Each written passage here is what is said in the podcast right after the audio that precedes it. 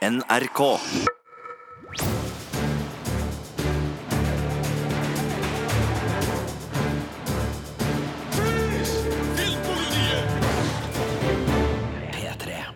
Velkommen skal du være til en splitter ny podkast fra Filmpolitiet. Her i studio Birger Vestmo, og jeg er alene i dag, men du skal likevel få full oversikt over ukas nye kinopremierer. Det blir anmeldelse av den danske thrilleren Den skyldige, den amerikanske fantasyfilmen The Darkest Minds, den britisk-thailandske fengselsfilmen A Prayer Before Dawn, og ukas norske kinopremiere, nemlig Karsten og Petra på skattejakt. I tillegg skal vi se inn i TV-ruta, for eh, du har sikkert sett en TV-serie, men ikke avslutta den. Det har du til felles med veldig mange andre, og nå har kollega Remi Horgard her i P3 laga en sak på p3.no, der han går gjennom fem kjente serier som mange har begynt på, men ikke avslutta. Hvordan avslutta de egentlig? Svaret på det noen av dem i hvert fall, får du i løpet av denne podkasten, der vi òg ser på de nye reglene som Oscar-akademiet har annonsert for neste års utdeling. Hva er nytt, og hva vil det ha å si? Det er nemlig ikke alle som er like fornøyde med valgene Oscar-akademiet nå tar, annet med en innføring av en splitter ny kategori. Det her skjer i løpet av denne podkasten fra Filmpolitiet, som starter med anmeldelse av den danske filmen Den skyldige. Det er alarmcentralen. Hallo? Taler jeg med Iben?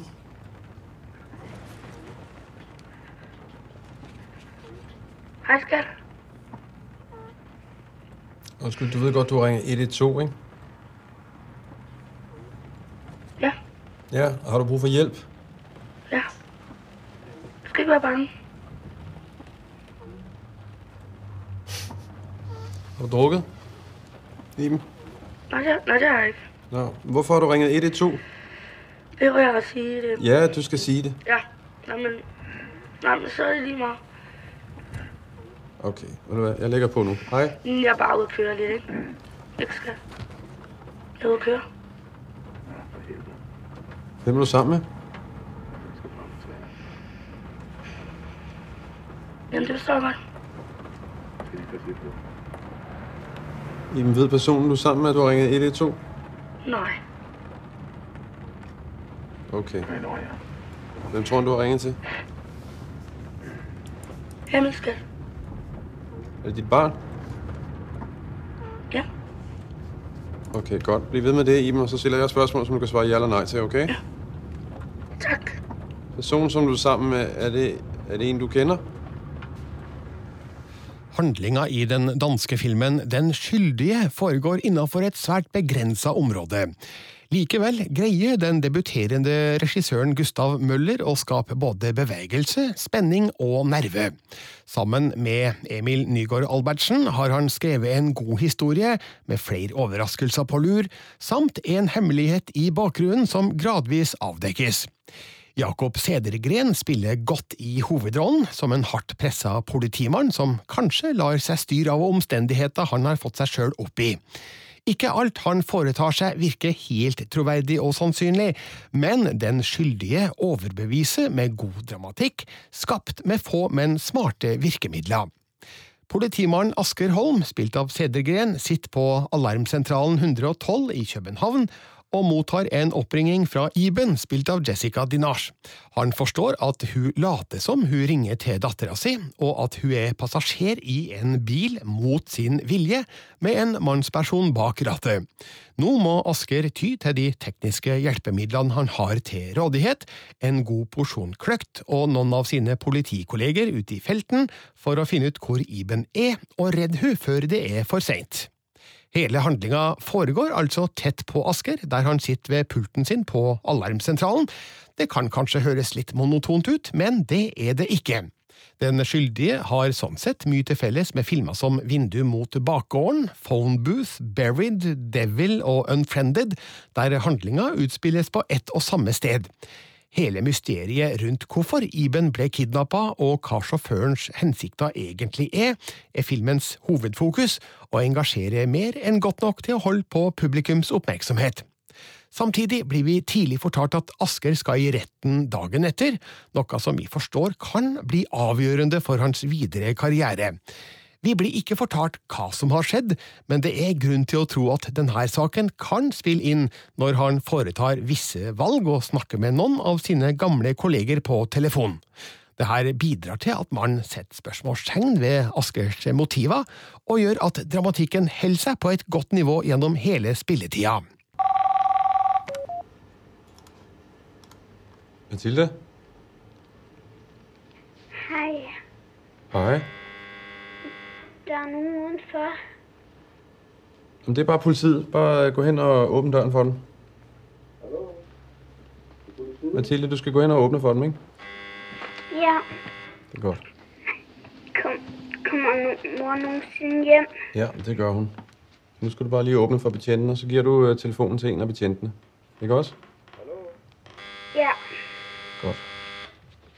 Kameraarbeidet i Den skyldige er godt, eh, men uten å briljere. Mer spennende vinkler og oppfinnsomme kamerakjøringer kunne nok ha spritta opp filmens visuelle stil. Men det er ikke sikkert at spenninga nødvendigvis hadde blitt større av den grunn. I stedet går linsa svært tett på Jakob Sedergren og henger på han som en klegg, ikke helt ulikt Mathias Erdelys unike kameraarbeid i Laslo Nemes uforglemmelige Sauls sønn. Hovedrolleinnehaverens innsats blir derfor avgjørende, og Sedergren gjør en overbevisende prestasjon i en rolle der ansikt og stemmebruk avslører en stadig økende desperasjon. Alle bilder utover det her må publikum skape sjøl. Gjennom godt skuespill av figurer vi bare hører, men aldri ser, samt dyktig lydlegging av deres omgivelser, hørt gjennom Askers headset, blir vi effektivt fortalt hvilke bilder vi skal se for oss i vår egen fantasi. Den skyldige har noen scener der Askers valg i noen akutte situasjoner kan virke litt merkelige. Det kan kanskje forklares med at han har morgendagens rettssak i tankene, og derfor ikke er helt psykisk stabil. Det kan òg forklare hans vilje til å gå langt utover sitt ansvarsfelt på alarmsentralen for å nøste opp i saken. Asker søker kanskje etter forsoning og tilgivelse fra seg sjøl, noe som forsterker hans motiver for å løse Ibens kidnapping og sørge for at hun reddes. Den skyldige er en tett liten thriller med solid skuespill, god fremdrift og et spenningsnivå som overgår forventningene man har når man vet at alt foregår på et kontor. Ja, hallo? Team Andersen, Nordsjællands politi? Ja, Asger Holm 112 Øst. Ja, hej. Ja, vi fikk fik at vide, at det var to børn, vi skulle se til. Ja, der er Mathilde, og så er der hendes lillebror. Jeg blir nødt til å holde den her linje åpen, for det kan være, hennes hendes mor ringer. Men jeg tror, Mathilde, hun... Ma Mathilde, hva, hva er det der? Hvad, har du slået deg, Mathilde? Det er ikke mit. Hvad sker der? Okay, Mathilde, vent lige lidt her sammen med, med Janne, ikke?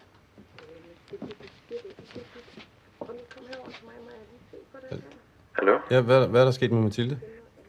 Jeg ved det ikke, men hun har blod på hænderne og på trøjen. Den skyldige får terningkast fire fra Filmpolitiet.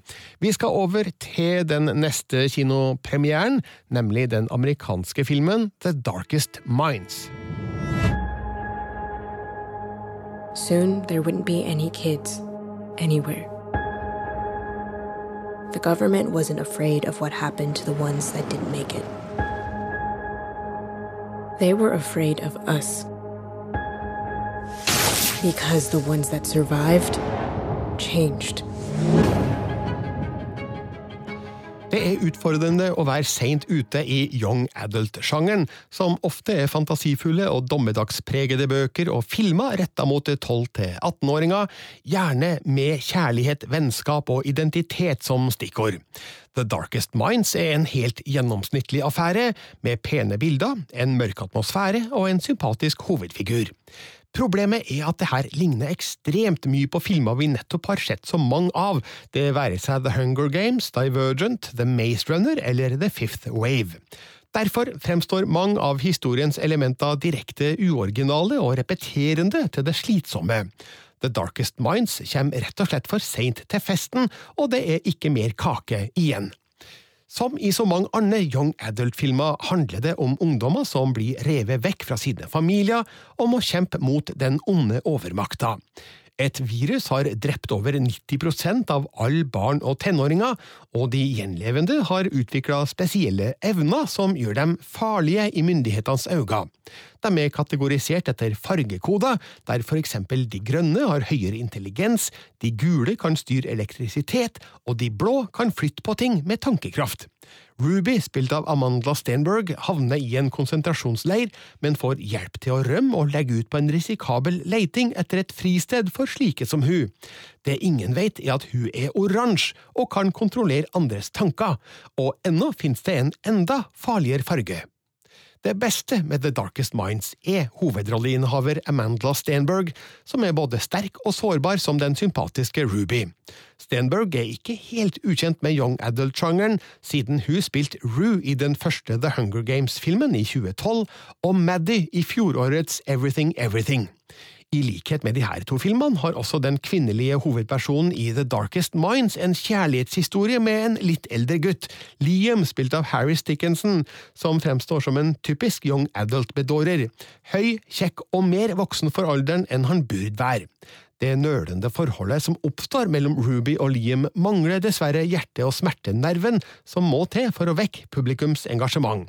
Ung kjærlighet skildres urovekkende tamt her.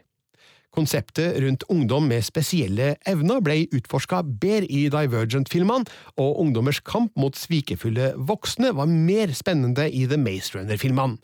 The Darkest Minds har noen effektive spenningssekvenser, som viser at regissør Jennifer U. Nelson, kjent for Kung Fu Panda 2 og 3, har et klart talent, men det er ikke nok til å heve filmen.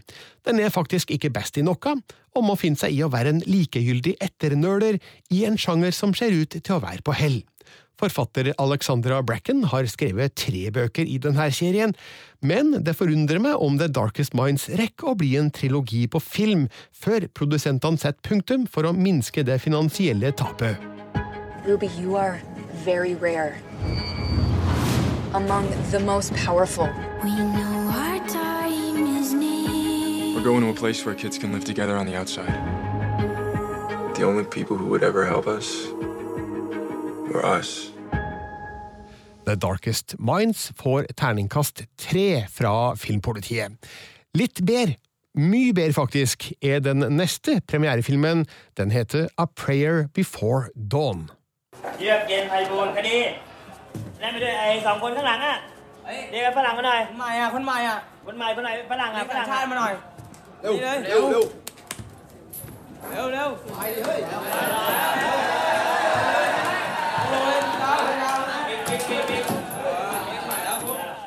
ชื่ออะไรใครครับใช่ไม่เข้าใจพูดไทยได้ไหม My name is อะ My name is อะ name Billy Billy Billy surname โม Billy Mo Billy โมกโมก Billy Mo Billy โมก Police You Police ยาบะเสพยาบ้า เย่ยาบ้าเสพยาบ้า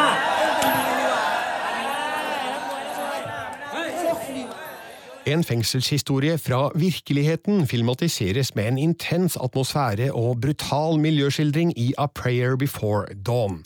Britiske Billy Moores opplevelser i et thailandsk fengsel kan tidvis minne om tidligere tiders fengselsfilmer, men regissør Jean-Stefan Sauvard skildrer det med et nærgående kamera, som ubønnhørlig fanger opp hud, hår, blod og svette i varme, skitne og klaustrofobiske omgivelser.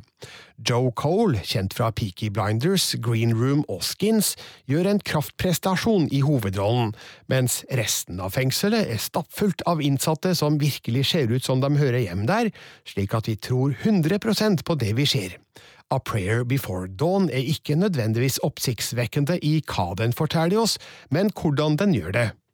Moore skylder narkopenger i Thailand og må gjøre opp for seg ved å bokse brutale kamper og selge narkotika. Han blir arrestert og kasta i et skittent, brutalt og overfylt fengsel, der han ikke kan språket og er den eneste utlendingen.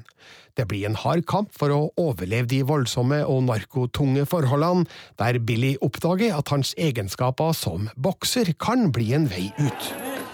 You have money? No. No. You work? Bokser. Bokser. Bokser! Nakmoi! That way. You understand? Ah, listen, listen, listen. You understand? Muay Thai. Muay Thai. muy cool, more.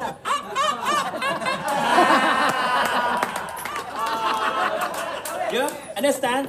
Yes, I understand. No, no cock. No cock? No cock. No cock, no more? No more?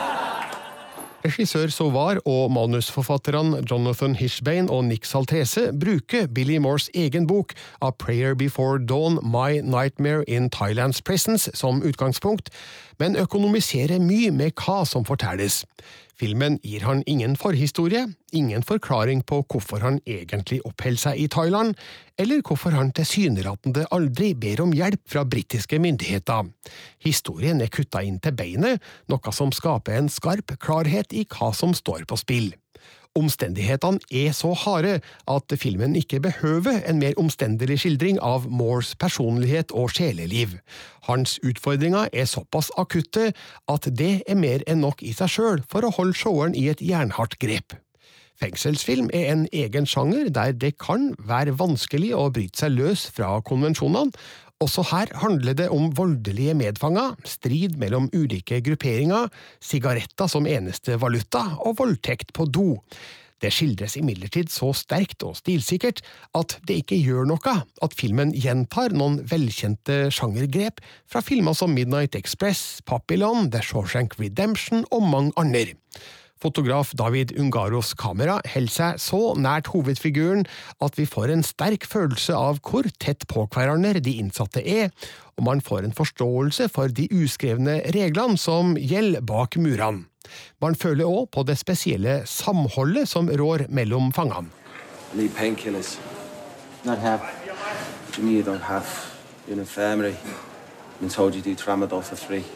Not free for you. What do you mean it's not free? I've just seen you give it to five people in a row. You need to pay. No, no, I've, I've, I've got no money. I've got no money. I've been told it's free. You have cigarette 5ซอง for me No, อยู่ได้ยา I, I don't มี have บุหรี่ no. ไหมล่ะ ถ้าอยู่มีบุหรี่ I 5 have ซอง no cigarettes. Okay, I've got ถ้า no ไม่มีบุหรี่ bully. I've got nothing. ก็ I ไม่ just ได้ want tramadol. ก็ไม่ได้ No, this is, Go this is away. not right.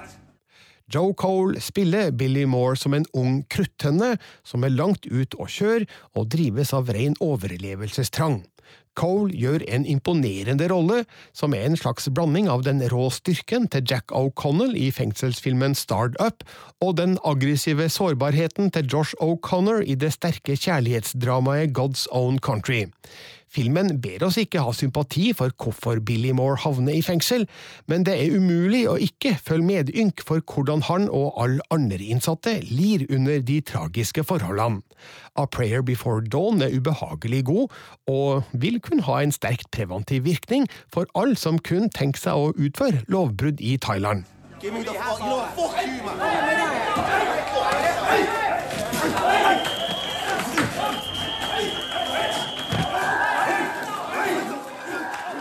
En klar femmer på terningen til A Prayer Before Dawn. Vi skal òg ta med ukas norske kinopremiere, sjøl om den er retta mot et eh, veldig, veldig ungt publikum. Vi må snakke om Karsten og Petra på skattejakt.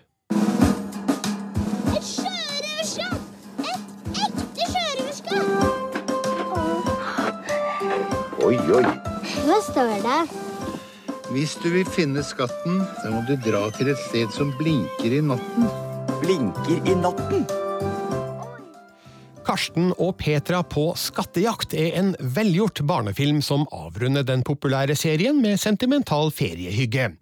Nyskaping og oppfinnsomhet har kanskje ikke vært det fremste målet med de her filmene, men de har truffet godt med søtladen historiefortelling for de yngste barna. Den nyeste filmen er like enkel og ufarlig som de foregående, men underhell med god fremdrift og et passende spenningsnivå for barnehagebarn. Det er altså ikke veldig skummelt, men det her universet er morsomt nok til å fenge målgruppa. Karsten og Petra på skattejakt er en godt gjennomført sjangerøvelse som viser at de drevne nøkkelpersonene bak kamera veit hva de gjør. Bestevennene Karsten, spilt av Oliver Dahl, og Petra, spilt av Alba Ørbekk Nilsen, drar på sommerferie, sammen med Petras morfar Jørgen, spilt av Ivar Nørve, og hans kjære Ester, spilt av Sigrun Enge. De har hytte på Hvaler i Østfold, og på stranda gjør de et interessant funn, som kaster dem ut på leiting etter en mulig skatt på en av øyene i området. Det skal vise seg at sporene kan ha en forbindelse med et gammelt vennskap som morfar opplevde en sommer for 60 år siden. Det er nesten litt utspekulert å komme med denne filmen akkurat idet man vinker farvel til sommeren 2018, for de vakre bildene og den lune miljøskildringa av hytteliv ved sjøen, med putrende båter, innbydende strand og varme svaberg, får meg til å lengte etter mer sommer. I det her ferieparadiset ramler Karsten og Petra over et mysterium som kanskje ikke er fryktelig innvikla, men engasjerende nok til å holde på de aller yngste kinogjengernes oppmerksomhet. De aktive hovedpersonene og deres av og til levende kosedyr, Løveungen med stemme av Torbjørn Harr og Frøken Kanin med stemme av Hilde Louise Asbjørnsen, blir blant annet utsatt for en bitende krabbe, en mørk hule, et gammelt fyr, en gjettegryte, en sur mann og en farlig kai. Det er altså flere tilløp til skummelheta, men redninga er aldri langt unna i noen av situasjonene, så kinobarna rekker aldri bli for nervøse før faren er over. Manuset er skrevet av Birgitte Bratseth, som også har forfatta blant annet Knerten, Side om side og Mormor og de åtte ungene, etter en historie av Alexander Eik, kjent for Kvinnen i mitt liv, Kalde føtter og Varg Veum, og de unngår de kleineste barnefilmklisjeene, slik at både historien og dialogen føles forholdsvis frisk og leken. Mye av æren for det tilfeller selvfølgelig òg regissørene Aurora Gossé og Arne Lintner Næss, som er bundet av de begrensningene som det her filmatiske universet har, men greier å fortelle en fin historie innafor rammene.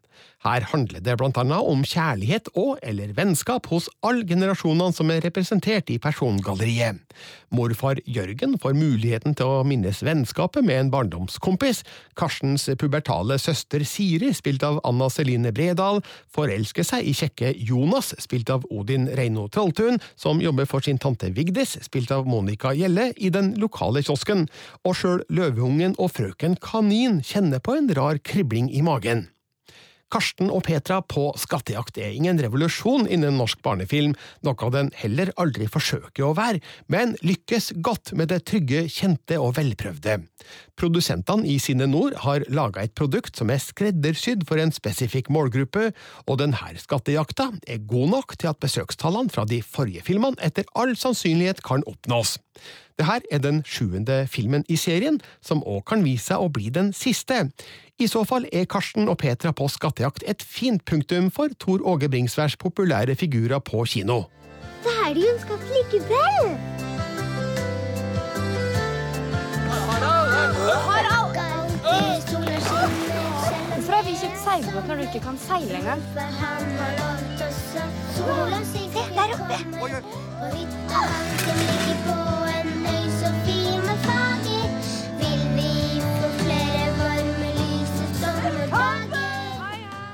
En hederlig firer på terningen til Karsten og Petra på skattejakt.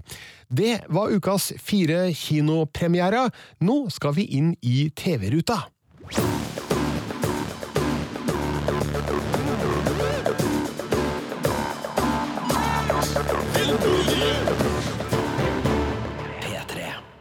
Har ikke du opplevd å starte på en eh, TV-serie, og så ramler du av etter hvert? Og så lurer du kanskje på hva skjedde egentlig? Det gjelder veldig mange, og en av de er P3-kollega Remi Horgard. Velkommen, Remi. Tusen takk. For eh, du har gått hen og forfatta en sak på p3.no som heter Hvordan slutta det egentlig? Ja, jeg satte i gang noe som jeg også kaller det litt for en spoilerfest. Nå skal jeg endelig, for Jeg har liksom hatt veldig mange sånne serier jeg starta på for lenge siden. Eh, Lost er en av de som veldig mange falt av. 700 000 fulgte med i første sesong. 100 000 fulgte med i siste sesong. Så 600 000 da, i Norge bare, som ikke har fått med seg hvordan det endte. Så har jeg liksom tenkt ja, en gang når jeg har kyssesyke eller noe, så skal jeg se dem ferdig. Eh, Men nå orker jeg ikke lenger. Nå har jeg funnet folk som har sett alle de her topp fem seriene som jeg tenker de aller fleste begynte på, men datt av. Og så har jeg fått dem til å spoile slutten for meg. Mm. Hvorfor tror du vi ramler av? Det er, hvis du ser på de her seriene som jeg har tatt for meg, så er det litt forskjellige grunner på hver, tenker jeg. Jeg har for eksempel Hotell Cæsar, som er liksom da, da, Den har gått så lenge. Den har gått i 19 år, 34 sesonger. Du skal være veldig dedikert for å se alt sammen, og der tror ikke jeg du nødvendigvis lurer på helt hvordan det slutter, selv om du nå i underbevisstheten, underbevisstheten din tenker litt sånn Er Juni egentlig fortsatt alkoholiker? Og klart egentlig Anker Hansen-familien å ivareta og beholde hotellet sitt. Det lurer man litt på, men man må ikke se det ferdig. Og så har vi mm, noen andre serier, Prison Break for eksempel. Der tror jeg de bare dro det ut for lenge. De Mm. hadde klart å rømme én gang i sin første sesong, og så tenker du ah, jeg, nå heller, liksom. Jeg trenger ikke å vite. Mysteriet er ikke stort nok lenger eh, til at du gidder. Det blir for mye innsats og for lite utbytte. Denne saken tar altså for seg fem serier totalt. Eh, Noen har du allerede nevnt. Eh, Hva, var det noen av de som overraska deg? Eh, det overraska meg litt i absurditet av og til. At Hotell Cæsar siste sesong slutter blant annet med at Storm dør av, av at han svelger en veps. Og Juni er fortsatt alkoholiker, forresten. I siste episode av Hotell Cæsar så sprenges hotellet, og alle dør.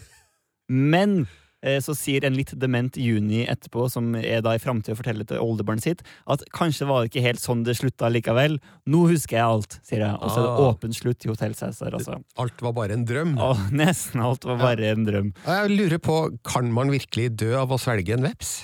Hvis du er allergisk, kanskje? Ja, det er mulig at det er noe der, da. Eh, Men eh, du har da funnet en som har sett eh, Ja. hele serien. Jeg har også funnet ei som for eksempel har sett hele, hele serien av Prison Break. Hun heter Nanna Katrine, Katrine Edvardsen, 29 år.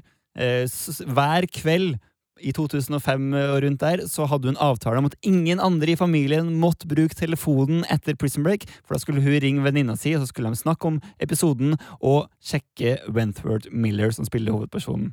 Eh, Så jeg har fått hun da til å gjenfortelle til meg hva var det egentlig som skjedde, hvordan slutta Prison Break. Jo. det vi får vite da i den siste ordinære sesongen eh, På et eller annet tidspunkt så får vi da vite at eh, Michael han har hjernesvulst. Og på daværende tidspunkt så er det Big Bads, det er jo The Company eller noe sånt. Og da er de ute av fengsel. Men de har fått i oppdrag å stjele noen, om det er noen filer eller om det er noe sånn dataprogram eller er noen teknologiske ting. da. Um, og hvis de får til det, så skal Michael få da en operasjon, og de andre skal bli fri, eller men så, eh, på tragisk vis, så eh, virka ikke den operasjonen allikevel, eh, og han dør. Det er ikke bare at han dør, men han, det viser seg senere at han har jo egentlig ikke dødd av hjernesvulst. Han har jo dødd for å beskytte de andre, eller for å sikre at de blir fri, så han har egentlig ofra seg. Eh, veldig tragisk. Han etterlater seg en sønn og hun Sarah. Men surprise, surprise, ti år senere så viser det seg at han er ikke død allikevel. Da sitter han i et enda verre fengsel, i Midtøsten, tror jeg. Eh, og da reiser jo gjengen for å eh, få Michael ut av fengsel igjen. Han har fått nye tatoveringer, og det er masse styr. Og så til slutt så kommer de seg jo ut, da. Og da viser det seg at eh, det er han ektemannen, eller den nye mannen til Sarah, som er eh, slemmingen, selvfølgelig.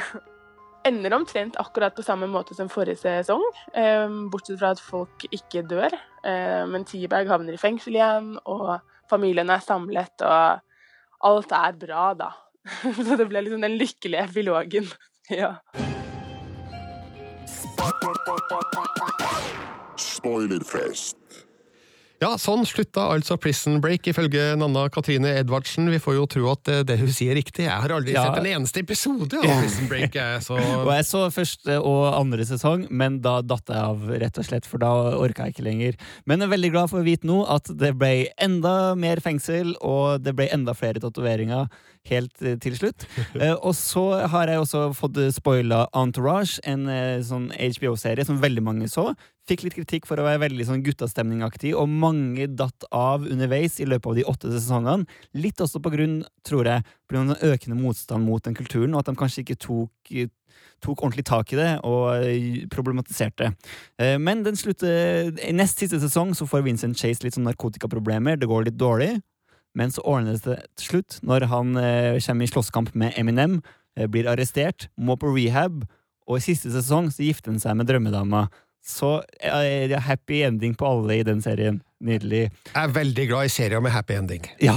Så kanskje jeg må ta opp igjen tråden her, for jeg begynte jo på Entourage og likte jo egentlig de første to sesongene godt, og så bare ramla jeg av, uvisst av hvilken grunn. Det, du vet, problemet, Remi, at det altfor mange serier og altfor lite tid. Helt enig. Og nå har jeg gitt opp på en vakker dag se de her seriene. Nå skal jeg bare få vite hvordan det slutta, så kan jeg se noe annet istedenfor. Mm. Heroes er den fjerde serien på denne lista som Ja. du spoiler slutten på. Heroes har jo faktisk serieskaperen gått ut i ettertid og sagt at vi dumma oss, dumma oss ut i sesong to. Eh, Og dro ut ting for langt og tok inn for mange nye elementer og skjønte ikke egentlig hva fansen ville ha. Eh, Så der var det veldig mange som datt av. Det ble likevel to sesonger til. Fire sesonger til sammen. Jeg har funnet eh, ei som heter Inga Kroken, 26 år, som har sett alt av Heroes. Hun må nemlig alltid se ferdig serien, sa hun, så hun har også sett alt av 24. Ja. Eh, så eh, hun se, fortalte meg at eh, der var det veldig mye forskjellige ting som skjedde. Eh, mange tidslinjer videre, men vi kan vel si at det slutta med De måtte alltid prøve å skjule at de hadde superkrefter. Men også er det terroristorganisasjoner med superkrefter som har lyst til å vise det fram, og som har bekjempet i. Men til slutt så velger Claire Bennett, som kan å regenerere sin egen kropp, hun velger å vise det fram til et pressekorps og dette ned fra et pariserhjul og vise at du da overlever. Så er hemmeligheten ute helt på slutten. Litt som Tony Stark i den første Iron Man-filmen på slutten der. Ja, What the hell? What the hell, I'm Iron Man. Ja. Nemlig. Eh, og så da, Også, eh, Den siste serien på lista er kanskje en av de som flest har falt av på? Ja, tronen, på tronen over alle seriene der folk ikke gidder å se lenger, nemlig Lost. Mysteriet ble ikke viktig nok lenger. Hva er det egentlig som er greia med denne her øya? Det ville jeg finne ut, i hvert fall. Så jeg fant Thea Dirtina, 24 år, som har sett alt av Lost mens hun gikk på folkehøyskole, for da var det perfekt. Det var én episode hver kveld, så den så hun når netthastigheten ble god nok, når andre medelever hadde logga seg av og lagt seg. Så så hun en serie på Netflix. begynner jo med dette flykrasjet på en øde øy. Eh, og så begynner det å skje ganske mystiske ting på denne øya med de som overlever. Polar bears don't usually live in the jungle. Det er en isbjørn og noe svart røyk. Og så handler de første sesongene om at de prøver å overleve på denne øya og vil vekk fra øya. Jeg tror det er sesong fire eller fem, så er det seks stykker som klarer å komme seg av øya. For da er det et helikopter som har styrta på øya, og de klarer å fikse dette helikopteret og komme seg opp i lufta og skal fly vekk fra øya. Men når de da kommer seg til fastlandet, og, og så forteller de ikke sannheten av alt som har skjedd, da, og hva som er så mystisk på øya. De later som at de bare krasja, og så klarte de å overleve. Så det er en av karakterene, John Lock, som vil tilbake til øya for å ødelegge den, for han mener han ikke er ferdig med den. Uh, og så blir John Lock drept fordi han prøver å få folk til øya. Når han blir drept, så drar folk tilbake til øya med liket hans. We were not to leave. Liket til John Lock blir da levende når de lander på øya. Uh, John Lock skal da prøve å ødelegge øya, men han andre karakteren vi møter i sesong 1, som også blir en slags hovedkarakter, Jack Shepherd, han vil da til slutt beskytte øya og være beskytter av øya. Så hele greia ender da på en måte med at John Lock vil ødelegge øya, Jack Shepherd blir det som da kalles beskytteren av øya. Nei, altså vi vet jo egentlig ikke hva som skjer med øya. For det, vi- får aldri noe sånn 'Det her var det som skjedde. Dette er grunnen til at øya var magisk'. Island, Vi har jo da heller ikke fått noe svar på hvorfor det dukket opp en isbjørn. was beautiful. Spoilerfest. Og dæven, var det sånn Lost slutta? Ja, eh, ja kanskje, kanskje ikke si at de samla alle de løse, løse trådene helt på slutten der, men jeg synes det var jeg får likevel litt sånn ro i sjela. Ja. Jeg får en visshet om at jeg kanskje ikke skal begynne på Lost, fordi jeg greide aldri det. Nei, jeg tror jeg, kanskje jeg skal se siste episode en, en gang, men jeg, nå føler jeg at jeg egentlig ikke trenger det heller. Så det var slutten på Hotell Cæsar, Prison Break, Entourage, Heroes og Lost. Eh, Tror du det er serier som går nå vi aldri kommer til å se slutten på? Helt sikker på at veldig mange detter av Westworld. Eh, Orange is the New Black tror jeg mange har datt av. eh, fordi at de ikke liker hovedpersonen lenger. Og så eh, er jeg helt sikker på at Walking Dead, der eh, tror jeg den vil bare, ja, den vil bare fase ut, og ingen til slutt følger med. Ja, så om fem år så kommer du tilbake, Remi Horgard, med en ny sak. Hvordan slutta det egentlig? Del to. Ja, det lover jeg. Det. Del én kan du lese nå i sin helhet på p3.no.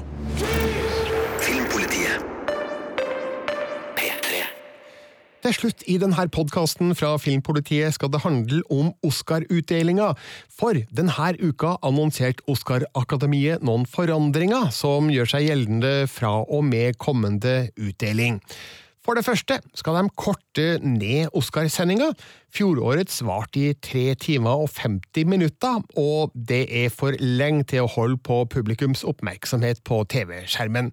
De skal nå få korta det ned til tre timer, og det skal annet gjøres ved at eh, noen av prisene deles ut i reklamepauser og klippes inn senere i sendinga. Det er ikke kjent hvilke priser det vil være snakk om, men det er jo grunn til å anta at det er noen av de eh, litt sånn mindre interessante prisene for det brede publikum, som eh, beste lydmiks og beste kostyme osv., beste kortfilm og vel, kanskje til og med Best Foreign Language, som eh, tradisjonelt sett er priser de, det amerikanske TV-publikummet ikke er så interesserte i. Eh, De skal fremskynde utdelinga noen uker. Eh, Det skjer fra og med 2020, for nå skjer det i slutten av februar. Fra 2020 så blir det da i starten av februar i stedet for. Og det er jo da for å korte ned det som kalles award season i USA, der de første prisutdelingene starter allerede i november og kulminerer med Oscarshowet sent i februar. Det er altså da fire måneder med prisutdelinga, og det er ikke fritt for at en viss eh, pristretthet setter inn da hos eh, publikum, og det håper Oscar-akademiet å eh, forhindre ved å fremskynde Oscar-utdelinga. Men så da, den tredje forandringa de skal gjøre, er den som har vakt mest oppsikt og mest kritikk. De skal innføre en ny kategori, Best Achievement in Popular Film.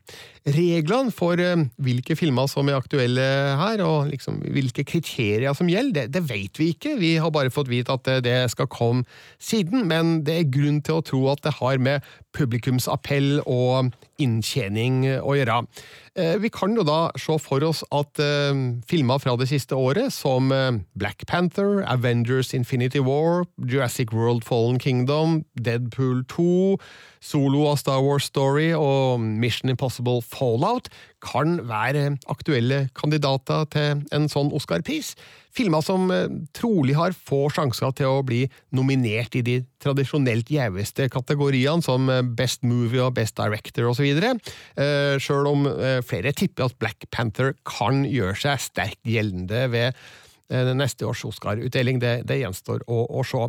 Eh, Det er helt klart et desperat forsøk det her fra Oscar-akademiets side på å holde seg relevante for et bredt publikum, og mange tror at det er TV-selskapet ABC som sender Oscar-utdelinga i USA, som er den store pådriveren her. Eh, Interessen for Oscar-utdelinga har nemlig dalt kraftig. Eh, Vi vet ikke seertallene på verdensbasis, men vi har tallene for USA, og de viser at eh, seertallene i, år var 26,5 millioner, og det er en nedgang på 19% fra året før. Og en nedgang på hele 39% hvis vi sammenligner med 2014, som var et ganske godt år for Oscar-utdelinga.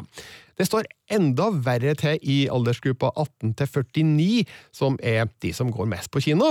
Der har nedgangen vært på 24% fra 2017 til 2018, og hele 47% i forhold til TV-tallene fra 2014 i eh, USA.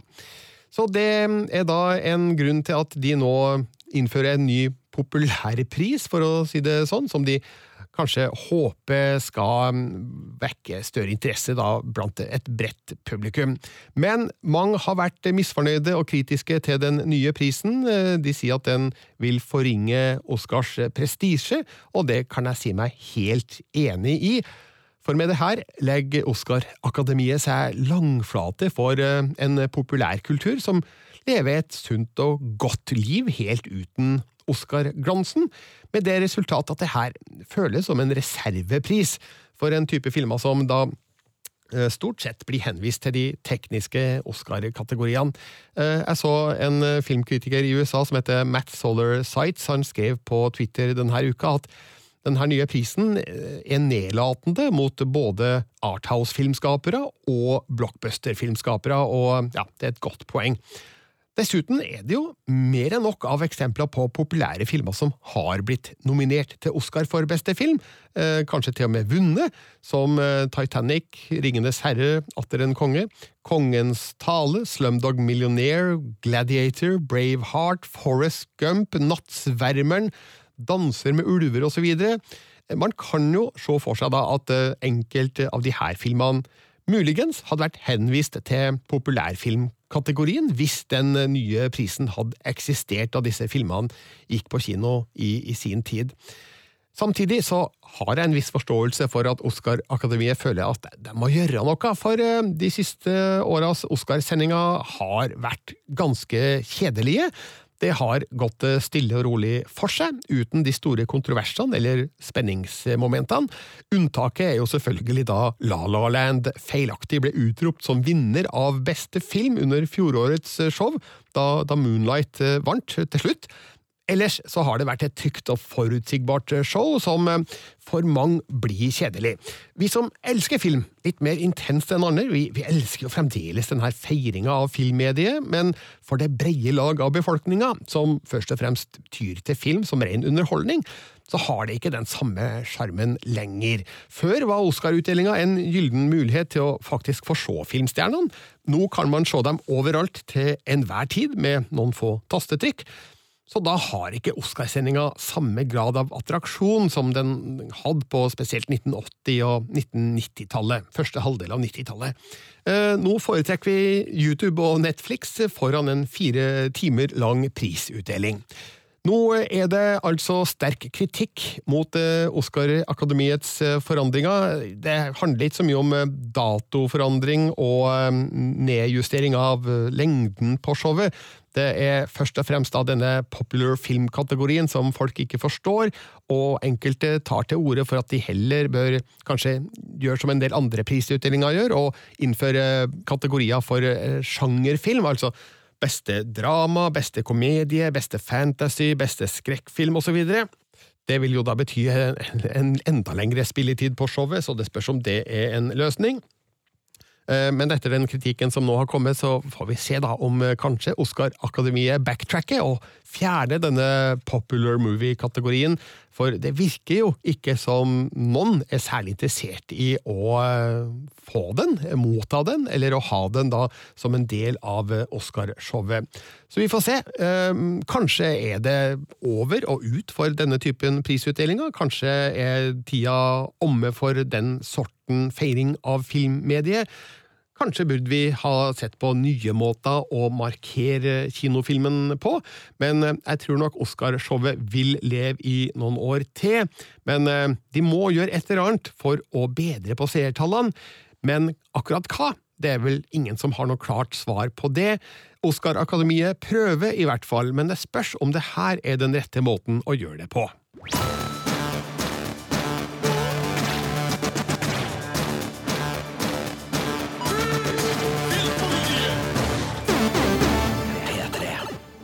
Da er denne podkasten fra Filmpolitiet straks slutt.